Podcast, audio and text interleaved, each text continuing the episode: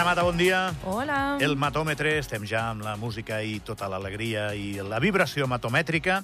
A les 11, quan passin les notícies de les 11, regalaré una entrada doble pel partit Futbol Club Andorra-Valladolid d'aquest diumenge a les 2 de la tarda a l'Estadi Nacional. Serà per qui em truqui en aquell moment, no ara, que sé que m'esteu escoltant i començareu a trucar ara. Al 873-777, però en aquell moment, d'acord? Quan passin les notícies de les 11 direm right now, right here. Llavors, donarem l'entrada doble pel Futbol Club Andorra Valladolid d'aquest diumenge a les 2 de la tarda a l'Estadi Nacional. Anna, avui tens... Eh, connectem. Sí, A dos quarts de set, que abans ens ha passat dir-ho a les 8. correcte. Avui Digue'm ja ho hora. avançàvem ahir, perquè et pensaves que era dijous ahir, no sé per què, Bueno, però perquè- ahir ja ho vam comentar. És- Ve Anastasia Cravets, que és la presidenta de l'Associació d'Ucraïnesos d'Andorra, um, a explicar-nos com ha sigut l'evolució d'aquesta associació. Recordem que és una associació cultural i després de l'inici de la guerra, que també ho hem volgut lligar d'aquesta manera, el 24 de febrer del 2022, doncs eh, van prendre una part important també a l'hora de rebre aquests ucraïnesos refugiats que arribaven al nostre país. Però, tot i així, ella segueix defensant que la seva associació és una associació cultural, que òbviament no deixaran d'ajudar a la gent que, que són doncs, eh, originaris d'Ucraïna, però que al final la, el seu objectiu final serà arribar a tornar a ser aquesta, aquesta associació cultural. Dos quarts de set de la tarda, Ràdio Nacional d'Andorra, i després queda penjat a andorradifusió.d. I a les diferents plataformes de podcast. Ah, clar, sí, és veritat. Això ho diem molt poc, eh, Anna? Sí, ho hem de dir més, ho hem de dir És, més. si no ens escolteu en directe perquè no podeu, perquè no us dona la vida, perquè és normal, perquè són 4 hores, uh Mhm. -huh. busqueu tots els continguts que fem, que els pengem a andorradifusió.d primer, i després van a parar a Spotify, Google Podcast, no sé quins més hi ha. I- i Però totes si us poseu a andorradifusió.d hi ha un apartat que posa podcast i llavors allà trobareu tots els programes de Ràdio Nacional que es, eh, s'hagin passat doncs, aquests podcasts a totes les plataformes on els podeu trobar. Jo me'ls me'ls miro, me'ls escolto per Google Podcast a vegades, I jo sóc més de Spotify. per veure les borrades que hem fet, i eh, allà es de- a Spotify igual també, perquè no el tinc, eh, es descarrega, es flis. Ens hem... Tu li dones a la tecla de descarregar i... I en un moment ja, ja ho tens. És Suposo boníssim. que també depèn de la connexió que tinguis, si tens 4G, 5G, 3G, També tens raó. 25G o el que... Però bé, que estem a totes les plataformes. O sigui, Correcte. som supertop eh, moderns amb això. Clar que sí. A mi com això em crida ser. molt l'atenció. Vinga, Anna, què tenim al matòmetre? Avui us porto un fet insòlid a l'església. Ostres. Un grup de capellans de Toledo resen molt perquè el papa Francesc es mori aviat, just els dies en què travessa un estat de salut una mica delicat per una grip que arrossega des de fa un temps. Això ho has dit bé? Sí, Perquè es mori aviat? sí, sí. No demanen que es mori obertament, s'ha de dir, eh? però ho fan amb un eufemisme, desitjant que vagi cap al cel. Una de les frases era «reso molt pel papa perquè pugui anar al cel com més aviat millor». Perquè no pateixi, és això. Mm, no ho sabem, però al final anar al cel és morir-se. Coses com són. Això és així. Això ho deia Gabriel Calvo Zarraute, el rector de Toledo, en una tertúlia penjada a YouTube que ja té més de 44.000 reproduccions. Hi participen també altres capellans de la mateixa ciutat i també internacionals. I és raro que no hagi quals... sortit àrbitre de futbol Calvo Cerraute, Colegio Castellano Manchego. Mm, No és el cas, no és el cas.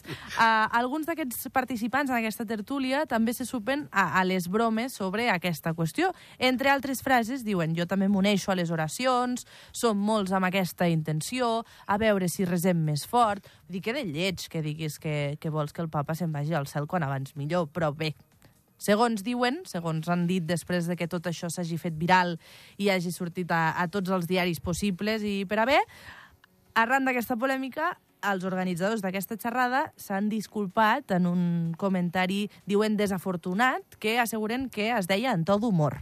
Jo amb molt humor, jo l'únic que vaig veure, o el que he vist en aquest, en aquest vídeo, en aquest tros de, de la tertúlia, és que un ho deia, Gabriel Calvo ho deia, i els altres se n'en reien. Però clar, Home, de- d'aquí de- a que sigui un to humorístic, ves que vols, no sé què dir-te. És que no és que perquè sigui el papa. Desitjar la mort amb algú És lleig. és complicat, és un tema complicat de defensar, bàsicament. Sí, sí. De fet, diuen, i han admès que són paraules de, de mal gust, però insisteixen que en cap cas expressa desitjos de la mort del pontífex. Era per cristiana misericòrdia.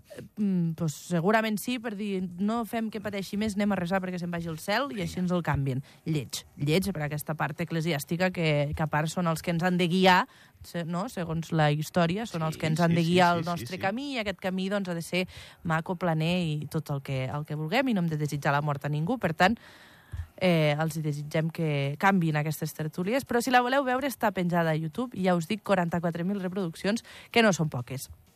Un altre tema. El mosaico de la història és un perfil a TikTok d'un professor d'història que explica algunes curiositats que, com diu ell mateix, no apareixen als llibres. Una de les publicacions parla d'Andorra Eh? i destaca que el nostre país va declarar la guerra a Alemanya Ah, amb sí? un exèrcit de 10 soldats. Així ho explica.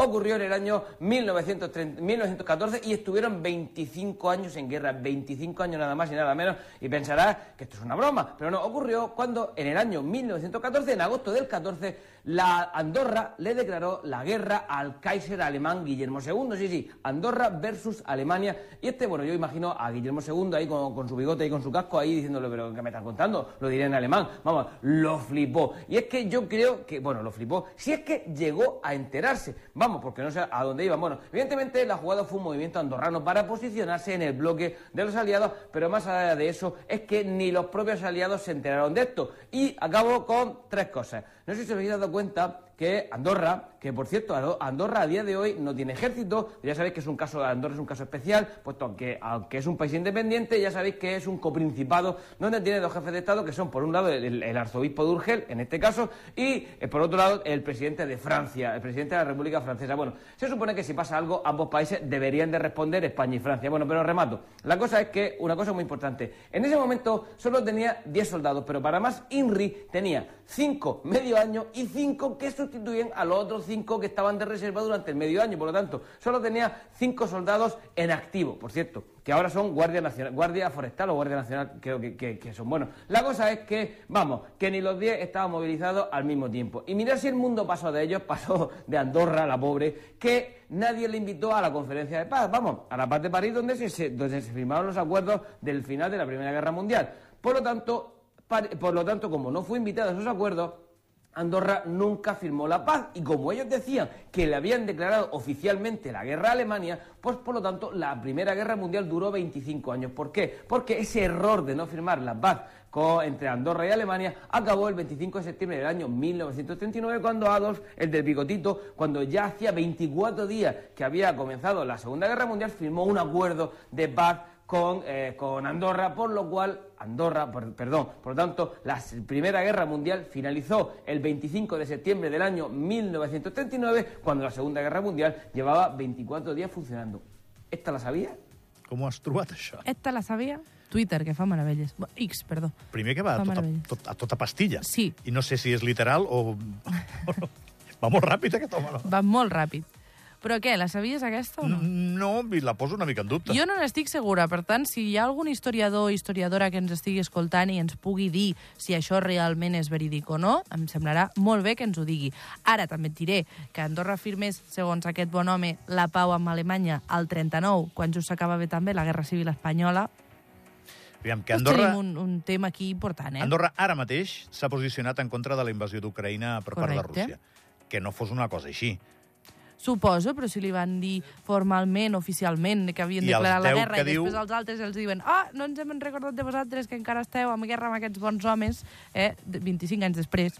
Doncs, I els lleig. 10 que diu, doncs deuen ser els sometents de l'època, perquè no hi havia ni policia, diria, no? Suposo. I el que fa gràcia és això de... O sigui, per Andorra declarar la guerra a un país gran és com si ara l'Atlético Esperança de la Lliga Nacional digués que fitxa Mbappé. és el mateix. Sí, exacte. Ho pots dir, però després dir-ho i ja està, no? Exacte. Tu t'aixeques la mà i dius, bueno, Alemanya, estic en guerra amb tu. Ah, muy bien. Al final jo crec que és el, el fet de posicionar-se d'acord amb els aliats, igual que ha passat doncs, aquestes, aquests últims anys amb el tema d'Ucraïna, però clar, dius, almenys quan van assignar el Tractat de Pau, entera-te'n i vés-hi, perquè si no estàs aquí fent la, la Bueno. broma durant 25 anys. Ara està tot molt reglat, molt organitzat. Ara Estem sí, a la clar, ONU. clar, no. Ara les coses han canviat, està clar, això està clar. Molt bé, Anna, molt bé. La última, us portem un reportatge que s'anomena Campeones, el camino hacia el Mundial, que és el títol del documental sobre la selecció espanyola de futbol, que ahir es va proclamar campiona de, les Nacions, de la Nations League, després de guanyar a França, aquí no s'havia guanyat mai a la història, per cert, per dos gols a zero. És un documental on les protagonistes expliquen en primera persona persona el partit a partit que van viure en aquesta competició internacional d'Austràlia i Nova Zelanda i on podrem conèixer doncs, anècdotes, detalls i confessions, entre moltes altres. És un documental que es va emetre ahir, dia 28, després d'aconseguir aquesta nova fita històrica i que es pot recuperar a través de la plataforma RTV Play de forma totalment gratuïta. A Netflix tenim un dels documentals sobre el Mundial masculí, doncs ara també tenim l'opció de veure aquest eh, Mundial femení. Vaig veure un tros ahir, Així m'agrada. No vas veure el partit, però vas veure el perquè el vaig arribar documental. més tard a casa, el partit Ah, ja havia acabat. Però sí, vaig veure com mitja hora ben bona. És interessant. No hi ha ni un segon dedicat al follon Rubiales. Millor. No? Que ho sabeu, eh? I ho vaig trobar original i necessari. Al final parlen- la fita històrica Això és de, mateix. el guanyar el Mundial, no Parlen- el petó de Rubiales. Això mateix. Parlem Perdó. del Mundial, parlem de... El que tu has explicat molt bé. Partit a partit surten quasi tot... Crec que no surten totes les jugadores, però surten moltes, mm. explicant anècdotes, el que li passa a un col·lectiu que viu molts dies junt, eh, en un lloc llunyà i tal, i, i bueno, doncs és, és emocionant. Al final van guanyar un Mundial, no? I Correcte. jo crec que té molt mèrit, perquè Espanya no crec pas que sigui el país del món que té més llicències de futbol femení.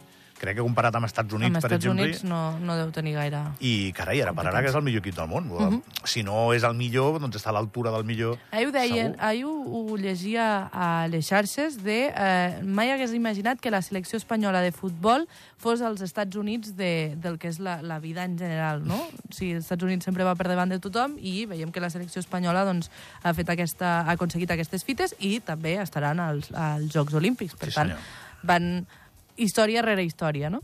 Andorra, la- la- Alemanya... no, el 11, no, el 39, no, Estic impressionat amb aquest vídeo, l'he de, de tornar a escoltar, eh? Ja te'l passaré. El matòmetre, Amana Mata, gràcies. Adéu. De seguida, el tema de De Gref eh, i la senyora d'Escaldes, tot això us ho expliquem de seguida, parlant amb l'advocat que ha guanyat el cas, que deu estar molt content.